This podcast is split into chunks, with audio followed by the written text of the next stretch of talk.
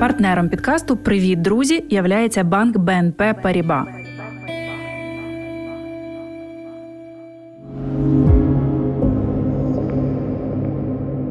Привіт, привіт, приячела. Привіт! Мене звати Агнішка Шепілевич. Я народилася в Харкові, і, хоча я полька, я люблю Україну і маю там родину та друзів. Я вивчила українську сама з фільмів, книг і пісень, які цією мовою звучать найкрасніше в світі. Запрошую вас на подкаст, у якому разом з Матеушем Ружицьким ми спробуємо допомогти вам вивчити основи польської мови та полегшити ваше життя у Польщі. Дякуємо за те, що слухаєте нас. Наша сьогоднішня тема це транспорт. Ми підкажемо, як пересуватись містом, як знайти залізничий вокзал, автостанцію та на що звертати увагу при виборі таксі. У багатьох містах Польщі громадяни України можуть користатися громадським транспортом безкоштовно.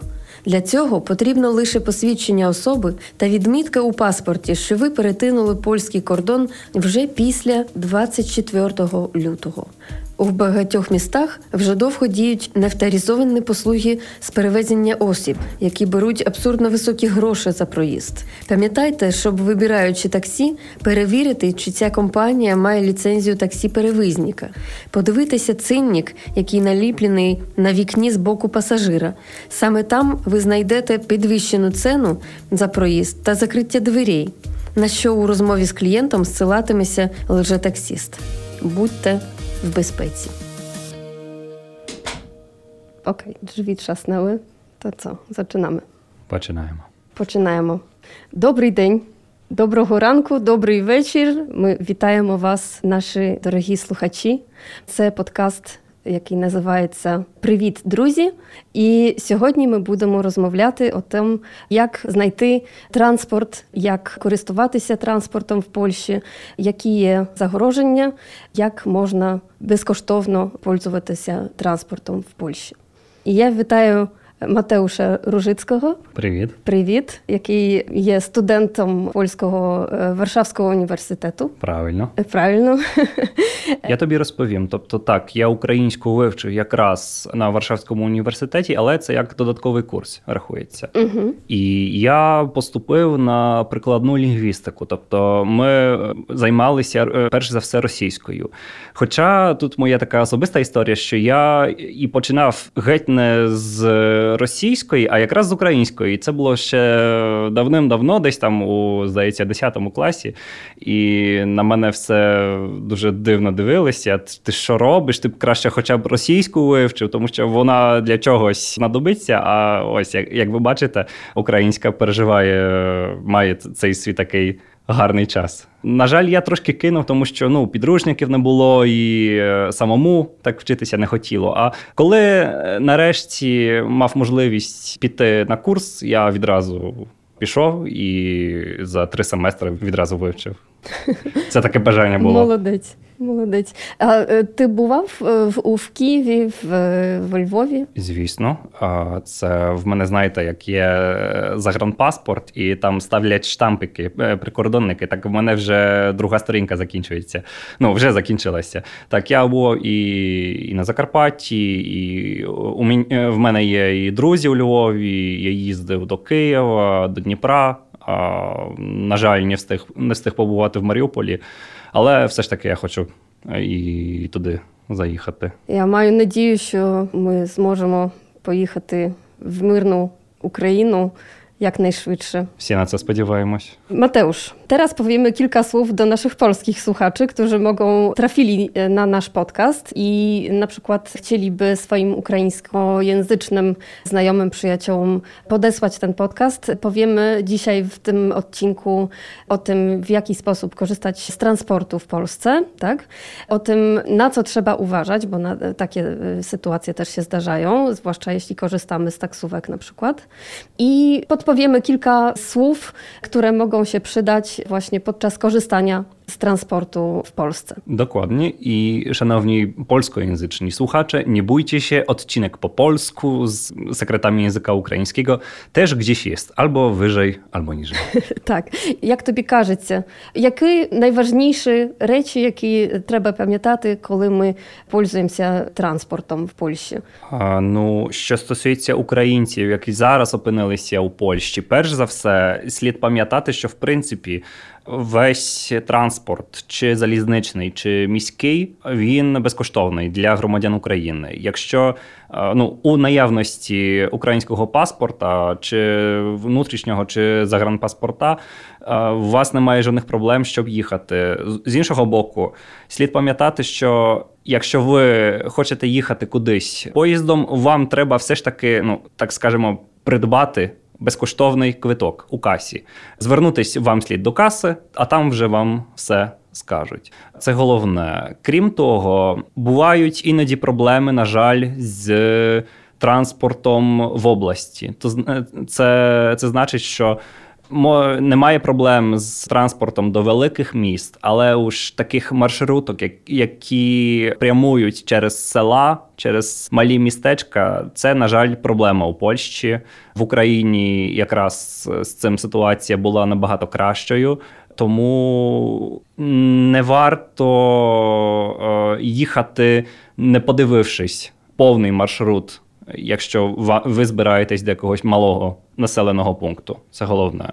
Ну а крім того, звичайні заходи безпеки, то зна- це значить, що не користуємось таксі. У місті, якщо ми не впевнені, що цей, ця людина не має ліцензії і шукає якихось лохів, щоб е, взяти з нас грошей.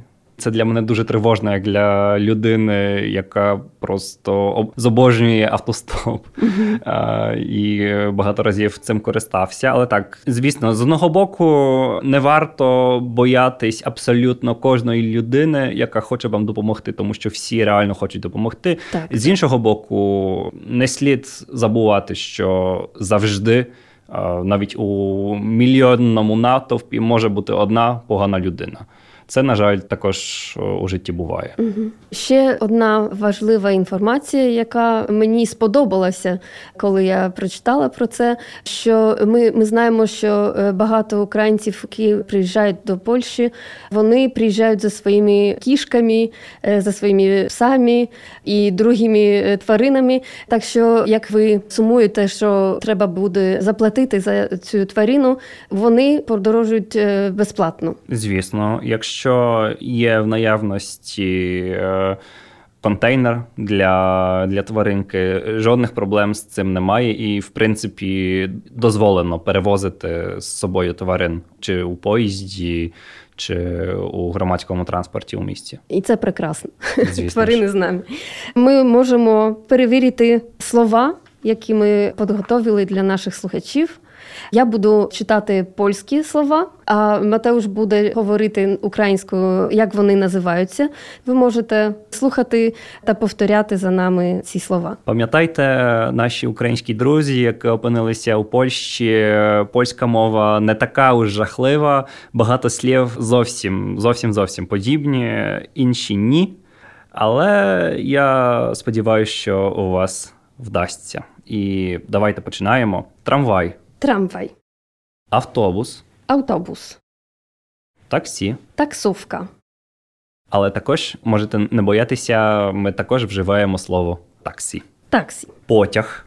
pociąg, Бачите, як все схоже? Літак, samolot, квиток. bilet, Проїзна картка. karta przejazdu, Безкоштовний квиток. bilet bezpłatny albo bezpłatny bilet, Каса. kasa, Термінал. terminal. Турникет, наприклад, у метро. Bramka w metrze. Metro, bramka.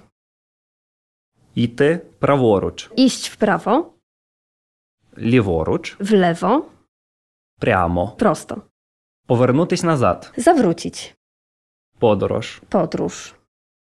Подорож на літаку. Podróż samolotem. Залізнична станція. Dworzec kolejowy. Автобусна станція. Dworzec autobusowy. Зупинка. Przystanek. Центральний вокзал. Dworzec centralny. Центральний вокзал він є у Варшаві. Так, головна зупинка в столиці Польщі. Правильно, і е, якщо хтось каже центральний, це взагалі лише єдиний такий вокзал у Польщі. Тобто у інших містах вони називаються головними: Краків головний, Познань головна. Ось якраз у Варшаві ця головна станція називається Центральний. Це важливо, тому що минулого року вони відкрили чомусь станцію, яка називається Варшава Глувна. Тобто вона головна, але вона зовсім не центральна. центральна. Так, так, так, так. Завжди е, прямуйте на центральний вокзал, ніколи на головний. Це якийсь бред. Далі. Чи є туалет у поїзді, якщо ми хочемо запитати? Czy jest toaleta w pociągu? Це може бути головне питання, коли ми їдемо довгу трасу. Звісно. Це така величезна небезпека, коли ти потрапиш у такий поїзд, який повертається до великого міста, наприклад, у неділю е, увечері. У поїзді настільки багато людей, що вони сидять навіть у туалеті. А, тому я вам рекомендую все ж таки ходити також до інших туалетів. Може, там ніхто не сидить. Далі Добре, у далі. нас, якщо ми хочемо їхати кудись без пересадок, питаємо, чи це прямий поїзд до тут називаємо станцію. Czy to pociąg bezpośredni do Torunia, Warszawy, Gdańska, Кракова. Krakowa? Чи я можу дістатися до. А далі дізнаємось куди. Czy dojadę tym pociągiem do? Скільки часу займає дорога до. Ile czasu zajmuje podróż do Warszawy, do Krakowa, do Berlina? Угу. Квиток на двох, будь ласка. Bilet dla dwóch osób. Угу. Так, хоча, звісно, починати буде дуже ввічливо з того попроша. Це таке магічне слово, яке відкриває всі серця, особливо цих жінок, які сидять у касі. Тварини можуть подорожувати безкоштовно. Zwierzęta mogą jechać bezpłatnie. Вхід, Wejście, вихід. wyjście. А зараз, коли ми дивимось на прибуття та від'їзди поїздів, це якраз прибуття, це Przyjazd, та від'їзд. odjazd. На декотрих залізничних станціях у Польщі це перш за все на сході. Там є написи не лише польською та англійською, але також російською. Це може трошки допомогти цим, хто ще не дуже вміє читати польською. Розклад руху. Rozkład jazdy. Як дістатися? Jak dojechać do? Квиток безкоштовний, Bilet jest bezpłatny? легальне таксі. Legalna taksówka. Зараз дуже спрощені правила користування таксі, і зараз законно працюють також усі Uber, Bolt та інші е, іноземні компанії, які вже раніше працювали, але це була така сіра зона. Зараз вони все у Польщі стало легально. Mhm. Посвідчення особи. Dowód osobisty albo dowód tożsamości. Зараз будемо трошки плутати, тому що те, що в Україні називають паспортом, просто паспортом, розуміючи через те внутрішній паспорт для поляків, паспорт це закордонний паспорт. Zakordonny. Тобто треба пам'ятати, що коли хтось з вас питає пашпорт, це якраз закордонний паспорт. А те, що українці називають паспортом, внутрішнім паспортом, ID-картою, це що? Dowód osobisty albo dowód tożsamości. Угу. Остерігайтеся шахраїв. Uwaga na oszustów. Проїзний. Bilet miesięczny. Так, ну тобто, Проїзний. так, е, у нас у Польщі немає одного слова на проїзний. Ми просто кажемо квиток на такий та такий час. Білет місячне, білет тримісячне і так далі. Угу. І можна купити на разну кількість днів, так? Так. Е, Дорогі друзі, дякуємо вам за те, що ви слухали нашу, е, е, наш підкаст.